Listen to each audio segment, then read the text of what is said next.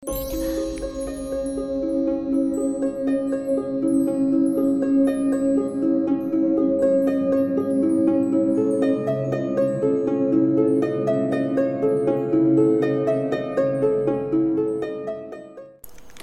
datang dan selamat malam teman-teman. Kembali lagi nih Denny, narator dari Rumah Horor Indonesia menjumpai kalian. Sudah lama sekali saya nggak upload video lagi ya Ataupun upload di Spotify Hal ini dikarenakan kesibukan saya sebagai seorang pengajar Iya, saya seorang pengajar di sebuah sekolah swasta di Bandung yang Jamnya cukup banyak sehingga kesibukannya luar biasa Apalagi setelah ngajar beres kita harus ke bimbel ya untuk tambahan jadi kadang sampai rumah itu udah capek bahkan untuk hobi yang lain seperti misalnya main game aja udah udah capek. Namun rupanya kangen untuk kembali menceritakan kisah horor dan juga menikmati ya. Jadi saya sambil membacakan tuh sangat menikmati ceritanya muncul sehingga malam ini bisa kita berjumpa lagi dan membacakan sebuah cerita horor. Dan cerita horor hari ini adalah tentang cerita horor. Loh maksudnya gimana? Judulnya adalah Bahayanya Mendengarkan Cerita Horor. Aku adalah seorang mahasiswa di sebuah universitas di Bandung. Aku adalah salah seorang yang sangat menantikan malam Jumat.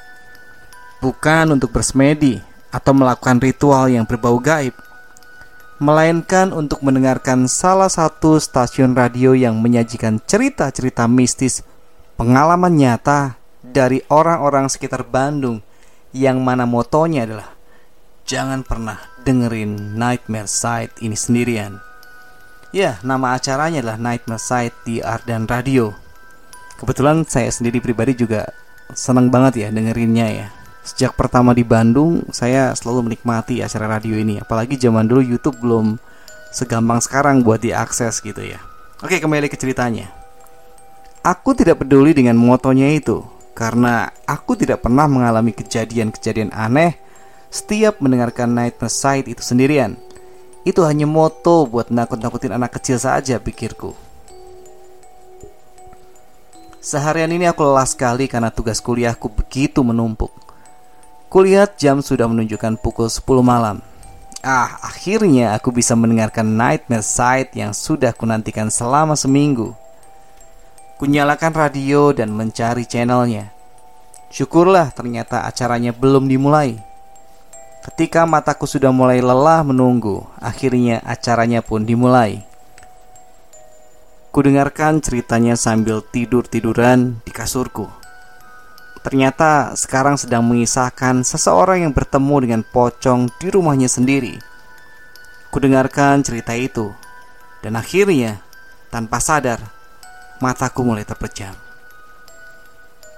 Namun tiba-tiba sebuah suara membangunkanku. Ya, suara seperti seorang sedang menengkur.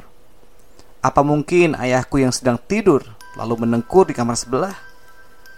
Tapi setelah ku dengarkan dengan seksama, ternyata suara itu berat sekali dan tidak jauh dariku. Ketika itu juga, ku balikkan posisi badanku menengok ke arah lemari yang ada di ujung kamar. Astaga, terlihat sosok makhluk berwarna putih yang dibungkus kain sedang melihat ke arahku. Pergi, pergi. Mau apa kamu di sini? Pekiku. Aku ingin keluar tapi pocong itu berada tepat di sebelah pintu. Aku hanya berteriak-teriak agar orang di rumahku mendengar dan menolongku. Tapi pocong itu tiba-tiba berada di depanku dengan mukanya yang sangat menyeramkan. Hitam kasar menatap kosong ke arahku. Aku berusaha mengatur nafasku. Ternyata itu hanya mimpi buruk. Aku pun terjaga. Kudengarkan radio masih memutar acara Nightmare Side dan masih dicerita yang sama. Ternyata aku hanya tertidur beberapa menit saja. Lalu aku mematikannya karena aku sekarang menjadi ketakutan. Tubuhku mengeluarkan keringat dingin. Aku haus sekali. Rasanya ingin minum air putih dari kulkas. Aku pun keluar menuju dapur yang keadaannya gelap karena lampu dimatikan. Aku menuju saklar lampu dan cetrek. Kulihat sekilas ada bayangan putih melintas di atas meja makan. Tapi aku tidak terlalu memikirkannya karena mungkin itu hanya imajinasiku saja karena aku baru saja bangun dari mimpi buruk tadi. Aku membuka kulkas, mengambil botol air dan menuangkannya ke dalam gelas yang tadi aku bawa. Dan ketika itu, Tiba-tiba aku merasakan hawa dingin dari arah belakangku. Harusnya kan dingin itu berasal dari kulkas di depan. Sekali lagi aku tidak memperdulikannya. Sampai ketika aku menutup kulkas dan membalikkan tubuhku. Astaga. Kulihat ada sosok pocong.